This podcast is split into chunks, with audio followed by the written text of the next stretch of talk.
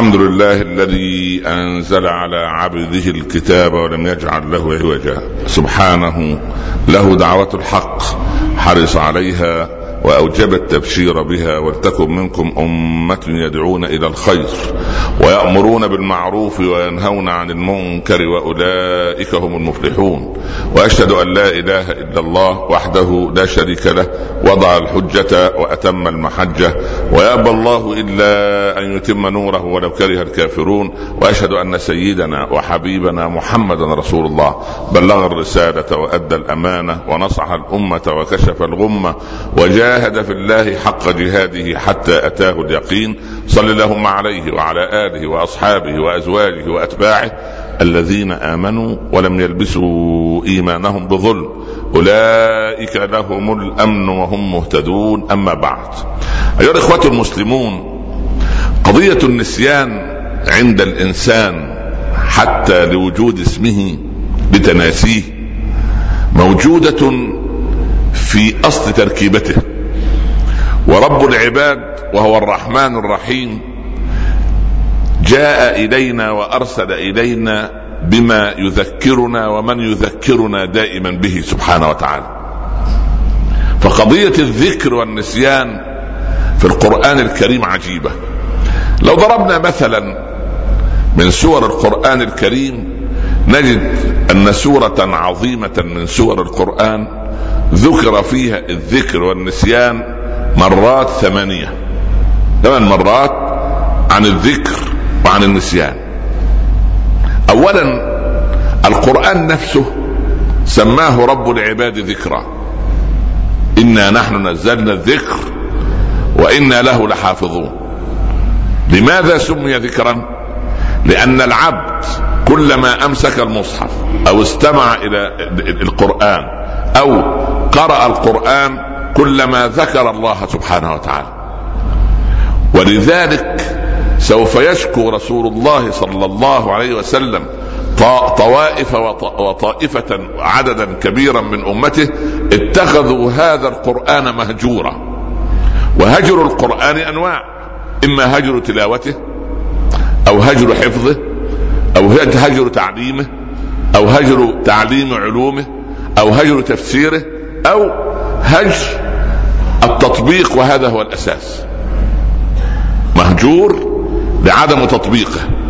تقرأ الآيات في الأوامر والنواهي شيء مرعب. وتجد عند التطبيق بعيدين تماما نسأل الله أن يجعلنا وإياكم مما يستمعون القول فيتبعون أحسنه. فسمي القرآن ذكرى هذا أمر. تعال إلى السورة الكريمة لتأخذ لمحات سريعة. مما يذكرنا به سبحانه وتعالى. سورة طه. طه ما أنزلنا عليك القرآن لتشقى إلا تذكرة لمن يخشى. هذا القرآن يا محمد صلى الله عليه وسلم لا لشقائك ولا لتعبك وإنما لتذكر به من يخشى رب العباد عز وجل. كأنما رب العباد يقول له والقرآن يفسر بعضه بعضا فلعلك باخع نفسك على آثارهم إن لم يؤمنوا بهذا الحديث أسفا. أنت مهلك نفسك أنك ترى هؤلاء يسمعون الحق بوضوح شديد ورغم ذلك يثنون وجوههم وظهورهم بعيدا عن كتاب الله وبعيدا عن الحقائق الكبرى التي جئت إليهم بها. طه أي طأ الأرض بكلتي قدميك يا محمد ما أنزلنا عليك القرآن لتشقى إلا تذكرة لمن يخشى القرآن. حصرت آياته أن يكون تذكرة لمن يخشى. فمن لا يخشى؟ المعادلة من الناحية الأخرى لن يتأثر بالقرآن. يسمع القرآن يسمع إياك والذين يأكلون أموال اليتامى ظلما إنما يأكلون في بطونهم نارا وسيصلون سعيرا. أليس بيننا من يأكل أموال اليتامى؟ سبحان الله. ليه الرحمة لا تنزل علينا؟ لأن بيننا من يأكل أموال اليتامى. وماذا نصنع نحن نسكت؟ فإن سكتنا فنحن كأننا أكلنا أموال اليتامى مع من أكل لأننا رضينا بفعله. نزل جبريل ليخرب قرية تعمل المعاصي. قال يا رب إن فيهم عبدا فلانا صالحا. رجل واحد في القرية رجل صالح. ملوش دعوة بالفوضى. قال يا جبريل به فابدأ لأن وجهه لم يتمعر عندما رأى محارمي وهي تنتهك. وقال والي أحد الولايات أيام ابن عبد العزيز أرسل إليه يا أمير المؤمنين إن قوما شربوا الخمر. قال أقم عليهم الحد. قال إن فلانا كان بينهم وكان صائما يوم خميس رجل صائم. هم قاعدين يشربوا الخمر بالنهار. فماذا يقول حفيد عمر رضي الله عنه؟ قال عمر بن عبد العزيز به فابدأ. قال يا أمير المؤمنين أبدأ بمن كان صائما ولم يشرب الخمر. قال قال ربنا فلا تقعدوا معهم إنكم اذا مثلهم. فمجرد جلوسه مع هؤلاء لأن الله يقول فاجتنبوه. يعني اجتنبوه؟ يعني لا داعي لوجودك في المكان الذي يشرب فيه.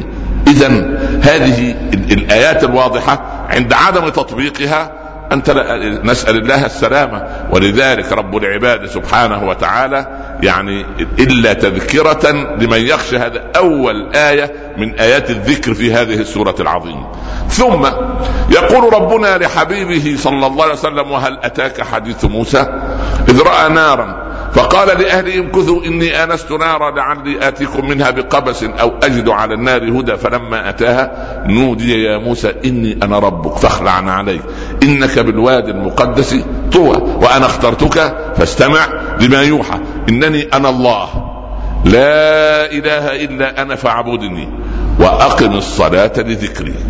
اذا الصلاة عندما ينادي المنادي خمس مرات وهذا من كرم الله علينا. بالله عليك لو لم تكن لنا صلوات إلا من الجمعة للجمعة. أليس هناك كثرة وجمهرة منا سوف ينسى ربه طوال الأسبوع؟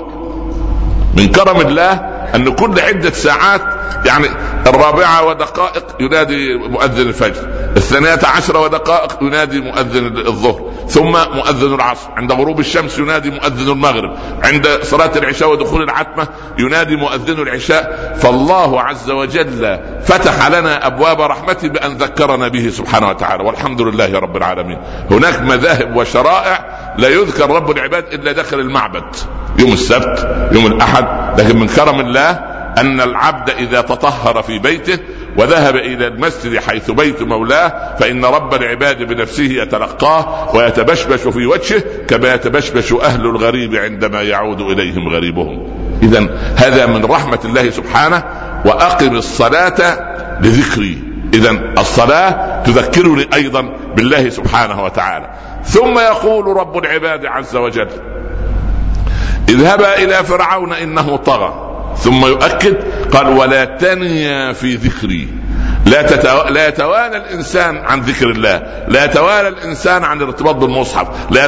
لا يتوانى الإنسان أن ينسى رب العباد عز وجل حتى قال في سورة الكهف: واذكر ربك إذا نسيت، نسيت ماذا؟ إذا نسيت الذكر فاذكر رب العباد، أمسك المصحف خليك مع مع الصلاة ولذلك بشرى لكل المواظبين على الصلوات الخمس ما هي البشرى كل من مات على قول لا إله إلا الله إن شاء الله دخل الجنة. طب بالله عليك المسلم متى يموت والمسلمه إما يموت بعد صلاة الصبح أو بعد صلاة الظهر أو بعد صلاة العصر أو بعد صلاة المغرب أو بالليل بعد صلاة العشاء. هل هناك أوقات غير هذه الخمسة على مدار ال 24 ساعة؟ والمسلم المواظب على الصلاة يموت في أحد هذه الأوقات. فآخر كلامه في الصلاة ماذا كان يقول؟ في التشهد. أشهد أن لا إله إلا الله وأن محمدا رسول الله. فبشرى للمسلم بالصلاة. فالحمد لله الذي أمرنا بالصلوات الخمس. ليذكرنا رب العباد سبحانه ولا تنيا في ذكره. في المقابل في المقابل هناك النسيان. إذا انحرف الإنسان بعيدا. ما الذي يحدث عند الانحراف؟ موسى السامري لما سرق اليهود ذهب المصريين وخرجوا به أقنعهم السامري أن هذا الذهب حرام. كيف نتخلص منه؟ قال ائتوني بالذهب. صهر الذهب وعمل لهم عجل جسدا له خوار. وكان عالم بالفلك وبالطبيعة فجعلت الريح في صحراء سيناء تدخل من فم التمثال تخرج من دبره تعمل صوت منضبط تماما كخوار العجل له خوار. قال بعد أن صور لهم هذه المسألة هذا إلهكم. وإله موسى قال ربنا فنسي. لماذا نسي؟ لأنه ما ذكر رب العباد وما وحده. ولذلك من كرم الله علينا أن الله يذكرنا مثلا به دائما عندما يتوفى لنا متوفى في العائلة. أب خال عم جد ابن زوج زوجة.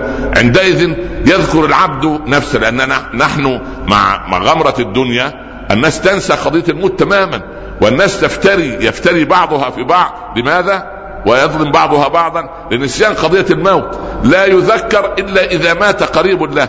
أما إذا ذهب ليعزي رجلا بعيدا زميل عمل آه، جار من بعيد إنسان في القرية أو في المدينة فيذهب وكأن الموت كتب على من مات لكنه صحيح البدن لكنه أسود الشعر لكنه ممشوق القامة لكنه ملاكم ومصارع لكن قلبه سليم كما يقول الأطباء ولكنه ينسى أن القضية في الصحة والمرض وكبر السن وصغر السن لا علاقة له بالموت فيأتي الموت أيضا ليذكرنا برب العباد سبحانه وتعالى في كل يوم لنا ميت نشيعه نحيي بمصرعه آثار موتانا. الإنسان كل شوية يموت له حبيب حتى يفيق إلى نفسه ويبدأ في العودة إلى ذكر الله سبحانه. هنيئا لنا نعمة الإسلام. هنيئا لنا نعمة القرآن الذي يذكرنا دائما بربنا سبحانه وتعالى. اللهم ذكرنا ما نسينا وعلمنا ما جهلنا واغفر لنا وارحمنا وأنت خير الغافرين. أقول قولي هذا وأستغفر الله لي ولكم.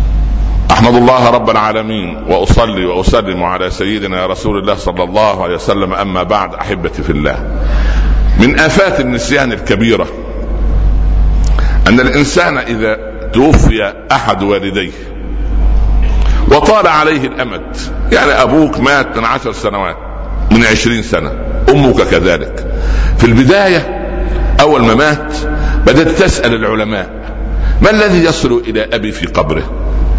العلماء ينصحونك بكذا وكذا وكذا وصلة الرحم التي لا توصل إلا بهما. مثلا فأنت تبدأ في زيارة العمة التي كانت تحب أباك والعم الذي كان صديقا لأبيك وابن العم الذي كان يحب عمه وبنت العمة التي كانت تحب خالها إلى آخره. هذا في الإيه؟ في الشهور الأولى. شغلت الحياة كما تدري سريعة الحدث. الرتم رتمها سريع فتنسى. فلا ترى عمك أو عمتك أو خالك أو خالتك إلا في مناسبات. مات قريب رأيته في العزاء تراه على القبر تراه في عرس معين في كارثة معينة تراه في قضية في المحكمة. لا تراه متعمدا وإنما تراه اضطراريا. تجده في السوق وجها لوجه. الله. اذا القضية كلها أن الإنسان ينسى. ولذلك أنت كمسلم اجعل أمامك عناوين. هذه العناوين تقول ما الذي يضيء لي قبري؟ إن كل واحد بيبحث عن محبوب يدخل معه القبر. أعظم إنسان تحبه ابنك وابنتك. أعظم اثنين في العالم تحبهما الولد والبنت. هل يستطيع ولدك عندما يلحدك في قبره أن ينام بجوارك ساعة أو ساعتين أو ليلة أو ليلتين؟ لا طبعا. بالعكس يخرج من القبر ينفض التراب عن ثوبه لأن لأن ترابك آذاه واذى ثوبه الغالي الثمن والمعطر. وتأففت ويضرب أعزكم نعله في الأرض كي ينفض تراب القبر عنه قبل أن يركب سيارته الفارهة. لماذا؟ لأنه أدى ما عليه. خلاص انتهت المسألة. طيب طب والمال الذي استعبدني طوال حياتي؟ لا هذا تركته في البيت. اذا الولد عند حق القبر والمال تركته في البيت؟ لا. ما بقي لي إلا شيء واحد العمل الصالح. طب العمل الصالح من أي؟ من قراءة القرآن من صلة الرحم من عمل الصالحات من علم ينتفع به من بنى مسجدا من غرس نخلا من حفر بئرا من حفر نهرا من علم مصحفا من ترك ولدا يدعو له من صنع صدقة جارية عندئذ له أجرها وأجر من عمل بها إلى يوم القيامة علمت نفس ما قدمت وأخرت. أحبتي في الله إن من رحمة الله علينا أن ذكرنا بكتابه وذكرنا به في كل الصلوات الخمس وذكرنا بأن نعبده وأن نوحده وأن لا نشغل أنفسنا بشياطين الإنس الذين يريدون إلهاءنا عن ذكر الله سبحانه وتعالى. نسأل الله عز وجل ألا ينسينا ذكره وأن يحفظنا وإياكم في الدنيا والآخرة. اجعل يا رب اعمال خير أعمالنا خواتيمها وخير أيامنا يوم أن نلقاك. ارحمنا فإنك بنا راحم. لا تعذبنا فأنت علينا قادر. خذ بأيدي أبنائنا الممتحنين في الامتحانات يا رب العالمين. اجعل الأسئلة بردا وسلاما على قلوبهم. رق قلوب الممتحنين والمصححين عليهم. اطرد عنهم شياطين الإنس والجن. احفظ أبناءنا وبنات المسلمين من كل مكروه وسوء. ارزق بناتنا بأزواج صالحين. وابناءنا بزوجات صالحات. ويسر لنا أمورنا واجعل هذا البلد آمنا مطمئنا وسائر بلاد المسلمين سخاء رخاء يا رب العالمين. اللهم فك كرب إخواننا في غزة وفلسطين. اللهم فك كرب إخواننا في العراق. اللهم فك كرب إخواننا في جنوب السودان وفي السودان وفي الصومال وفي إريتريا وفي كشمير وفي كل أرض تعبد فيها يا رب العالمين. لا تجعل الكافرين على المؤمنين سبيلا واختم لنا منك بخاتمة السعادة أجمعين. وصلى الله على سيدنا محمد وآله وصحبه وسلم. بسم الله الرحمن الرحيم والعصر. إن الإنسان لفي خسر إلا الذين آمنوا وعملوا الصالحات وتواصوا بالحق وتواصوا بالصبر. صدق الله ومن أصدق من الله قيلا. نقول حديثنا إن شاء الله بعد الصلاة وأعتذر منكم مرة أخرى الجمعة القادمة إن شاء الله ونلقاكم بإذن الله الجمعة التي بعدها وأقم الصلاة. أحمد الله رب العالمين وصلاة وسلاما على سيدنا رسول الله صلى الله عليه وسلم. أما بعد الذكر والنسيان. انظر إلى سورة طه تجد العجب. كل قضية ذكر عبارة عن إعانة من الله أو ممن سخره الله لتذكر الله. وتذكر الله؟ لا إله إلا الله. طيب. القرآن كله مذكر لأنه الذكر. سبحان الله. يعني إذا قيل الذكر الحكيم. أي إنسان جاهل أو عالم في مشرق الأرض ومغربها ماذا يقصد بهذا اللفظ؟ من غير علم من غير يعني لو جبنا أمي لم يتعلم لا في مدارس ولا شيء يقولوا الذكر يقول لك القرآن. يبقى اذا القرآن هو المذكر الأول لك بالله سبحانه وتعالى. خلاص؟ طيب. القرآن يحوي محاوره الخمسة ذكرا لله. القرآن على خمسة محاور. أول محور محور العقيدة. وتربو آياته على ثلث القرآن. من 2200 آية كلها في التوحيد. بس التوحيد الذي يدخل إلى القلب والعقل وليس علم الكلام التنظيري الذي يدرس في بعض كليات الشريعة التي تقسي القلوب ولا ترققها. المحور الثاني محور المعاملات. وتقترب أيضا من ألفين آية. ثم محور العبادات وهي لا تزيد عن عشر ومائة آية. 110 آية فقط. ثم محور الأمثال تقريبا 89 آية. ومحور القصص ثم محور الدار الآخرة. ال ال ال النظرة هذه إلى كتاب الله عز وجل. بهذا المنظور هو كل محور فيها مذكر. العقيدة. لما تقرأ قل هو الله أحد الله الصمد لم يلد ولم يولد ولم يكن له كفوا أحد. يبقى أنت من ذكرت الآن؟ الله. سبحان الله العظيم. الله. طيب. تعال إلى سورة طه وعن نرجع للمحاور. طه ظن بعض الناس أن طه اسم من أسماء النبي صلى الله عليه وسلم وهذا ليس اسما له لكن الناس تسمي طه. سميته ليه طه؟ يقول على اسم طه. يقول طه من؟ فهو يؤلف اسما لرسول الله. يعني الرسول محصورة أسماؤه معروفة. طه ليس منها ولا مصطفى ولا ياسين. وناس تسمي ابنها ياسين. واحد السنة الماضية يا شيخ ربنا رزقني بياسين. قلت له ماله يا ابن ربنا يبارك لك فيه. ودول سميته ياسين ليه؟ قال على اسم سيدنا الرسول صلى الله عليه وسلم. بس ياسين ليس من أسماء معقول؟ فمعقول قابلته الأسبوع اللي بعده ربنا يبارك فيك. ها؟ سجلت الولد بالاسم. قال لي نعم. سميته إيه؟ قال لي ياسين. قال طيب خلاص خلاص بس. أنت مصمم ياسين. مصمم برضه ان إيه؟ الشيخ غلطان. خلاص طيب. والله الشيخ غلطان أحسن. يعني خلينا إحنا الايه؟ الجدار المائل. مش الجدار العازل لا الجدار المائل. نسال الله السلامه طه لما كان النبي صلى الله عليه وسلم يقف للصلاة تتورم قدماه. فكان يتحامل على قدم ويرفع القدم الأخرى. شدة الألم. فإذا بالقرآن يقول له طه هي أصل اللغة طأها طاء. همزة على الألف. هاء طأها أي طأ الأرض بكلتي قدميك يا محمد. ما أنزلنا عليك القرآن لتشقى. ما أنزلناش القرآن عشان رجليك تتورم. لا. يعني اعبدوا الله ما استطعتم. وفي الحديث يقول إيه سيد الأدعية؟ وأنا على عهدك. ووعدك ما استطعت. وبعض الأحيان الناس تثور فيما لا يثار فيه وتتعصب فيما لا يجب أن يتعصب فيه وتتخشب فيما لا يجب إلا أن يلين الإنسان فيه. خمسة من أولادنا اصل عربي مولودين في النمسا. ذهبوا لزيارة قرطبة من شهور. في في قرطبة المسجد اللي بناه بنو الأحمر وبناه المسلمون في الأندلس تحول إلى كاتدرائية. فجوا عند طمس ومعاري المسجد عند القبلة والمحيطة بها آية من الفن المعماري فالفرناندو ده وإيزابيلا أمروا أمر قالوا خلوا المكان ده زي ما هو لأن ده تحفة معمارية. فترك. فمحوطين عليه بخيط كده ومكتوب بالأسباني والإنجليزي والفرنسي والألماني والعربي لا تصلي هنا. خلاص. لأنه معتبرينها إيه؟ متحف. ما تصليش.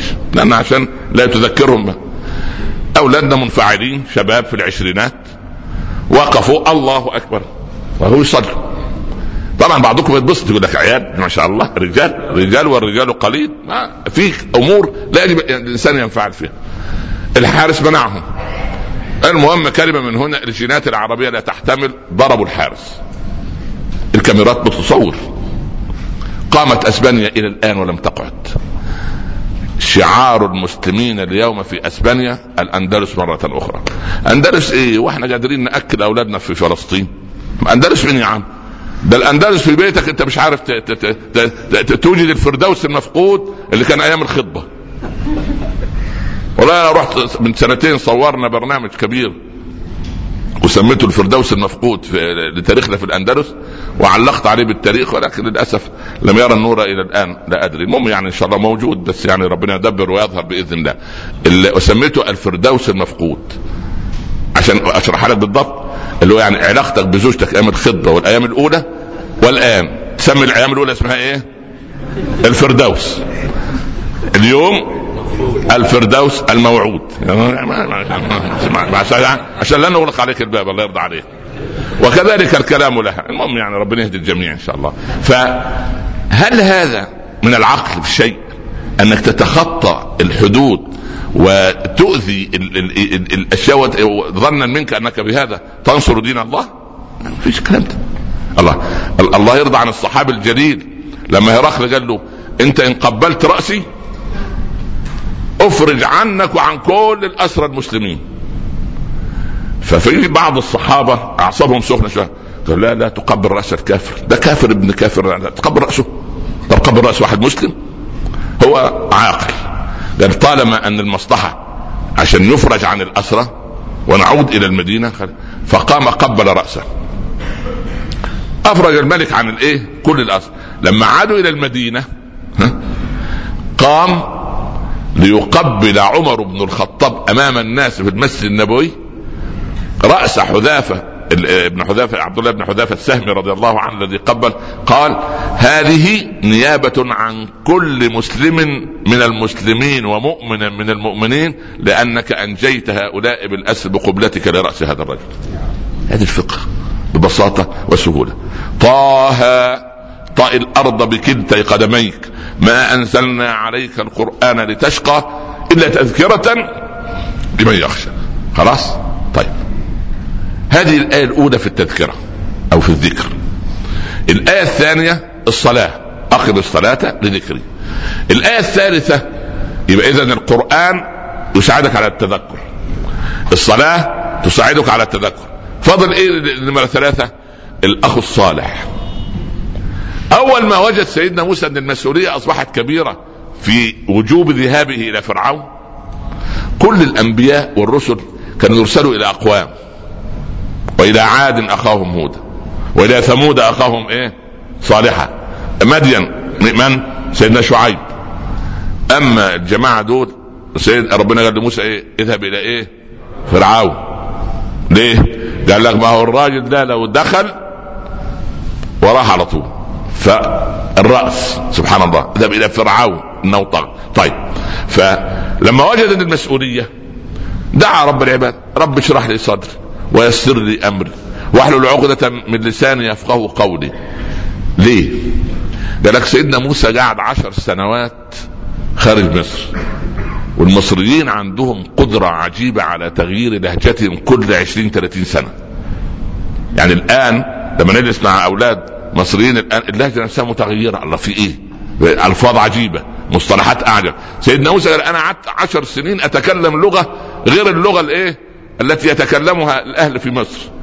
فأصبح اللسان لسان هارون أفصح منه لأنه أولى بطبيعة تغير المصطلحات في مصر في هذا الوقت. أرسل إلى أخي هارون هو إيه؟ هو أفصح مني إيه؟ لسان. سبحان الله. طيب. سيدنا موسى طلب الأخوة طلب الإعانة.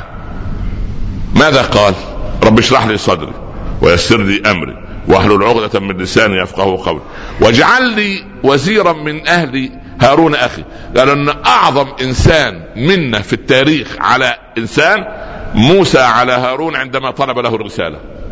أنت أصلا آخر ما تتشفع على أخوك تجيب له إيه؟ عمل. تجيب له عريس لبنته صح ولا لا؟ تجيب له وظيفة. تجيب له قطعة أرض. تجيب له ثوب يلبسه. بتعمل لأخوك أكثر من كده؟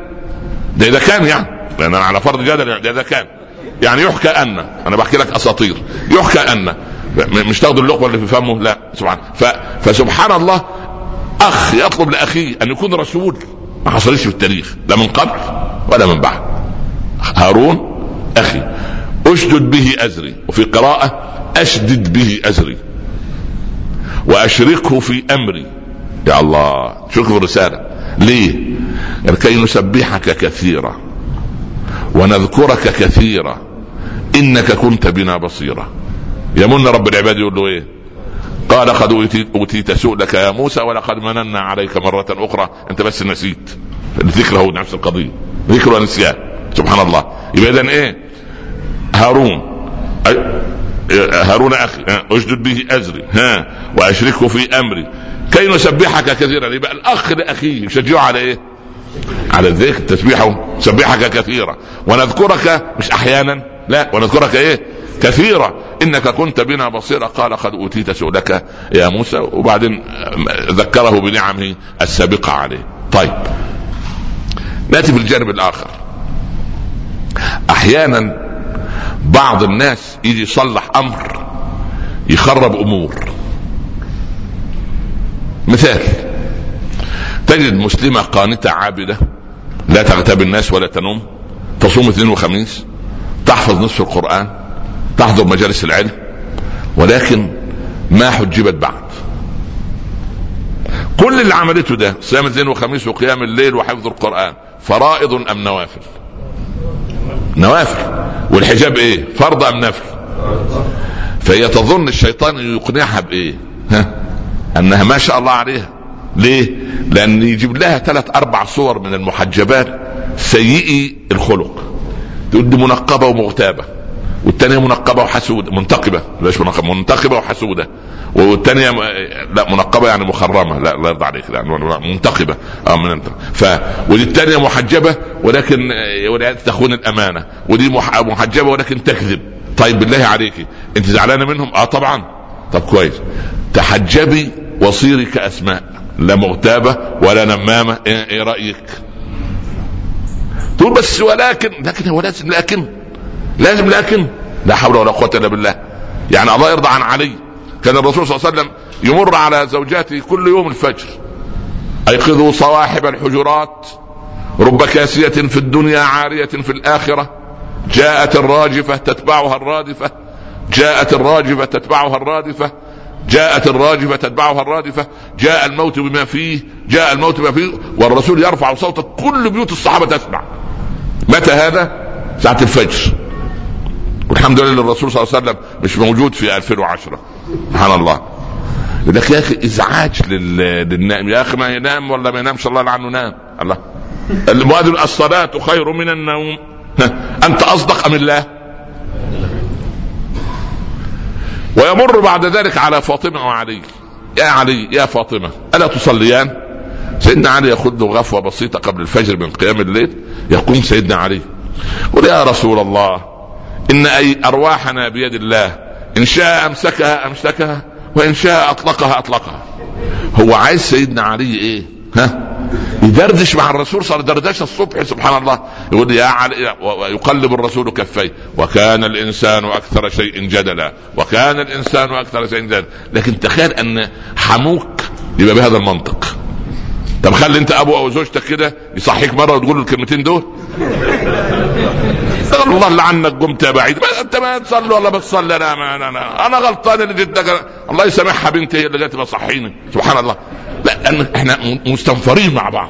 مست... حالة استنفار. كأننا أعداء ما تعرفش ولا. في إيه يا إخوان؟ ومنتظرين إن الأعداء لا يعادوننا. إذا كنا نعادي أنفسنا. الله.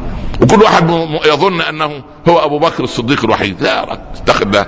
فالمهم موسى السامري إيه اللي عمله؟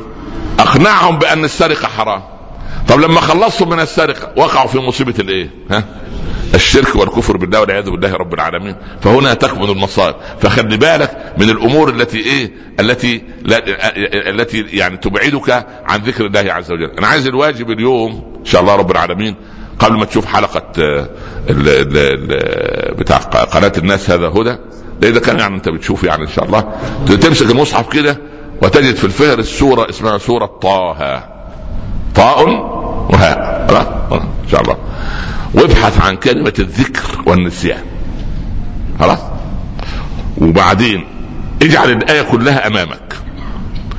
وتفكر وتدبر لماذا جاء الذكر في هذه الآية ولماذا جاء النسيان في هذه الآية. إيه اللي يخلي الإنسان يتذكر؟ وإيه اللي يخلي الإنسان إيه؟ ينسى. بهذا المنطق سبحان الله في نهاية الموضوع في نسيان وغفلة. النسيان أنا لا أحاسب عليه. الغفلة أنا محاسب عليها. لم يقل ربنا ولا تكن من الناسين وإنما قال إيه ولا تكن من الإيه؟ من الغافلين. ليه الغافلين؟ قال الغافلين نسيان عن عمد. نسيان عن عمد. تنسى أن تعامل أهلك برقة. ده مش نسيان. صح ولا لا؟ دي اسمها إيه؟ غفلة. فانت ناسي متعمد. يبقى اسمك إيه؟ باللهجة الصحفية متناسي. صح ولا لا؟ متناسي. لا إله إلا الله. فأنت عندما يعني يعني تغفل عما أمرت به فأنت تتناسى. لكن من رحمة الله عز وجل أن غفر لأمة الخطأ والنسيان وما استكروا عليه فنفرض جدلا أنك نسيت صلاة العشاء بالأمس. ورجعت البيت اليوم ومريت على المسجد قلت يا الله ده أنا بالأمس كنت هدخل المسجد وبعدين السيارة حصل فيها كذا وتعطلت عن صلاة العشاء. فأول ما تذكرتها تذكرتها الساعة الثالثة ظهرا. تعمل إيه؟ تتوضأ وتصلي وتكتب لك كأنك صليتها في وقتها. من نسي صلاة أو نام عنها فذكرها فصلاها فكأنما صلاها في وقتها. ولذلك أنا لما أكون على سفر وضاعت علي صلاة الظهر. وصلت إلى البلد الذي أسكن فيه وأعيش فيه عشرة شهور أو 11 شهر.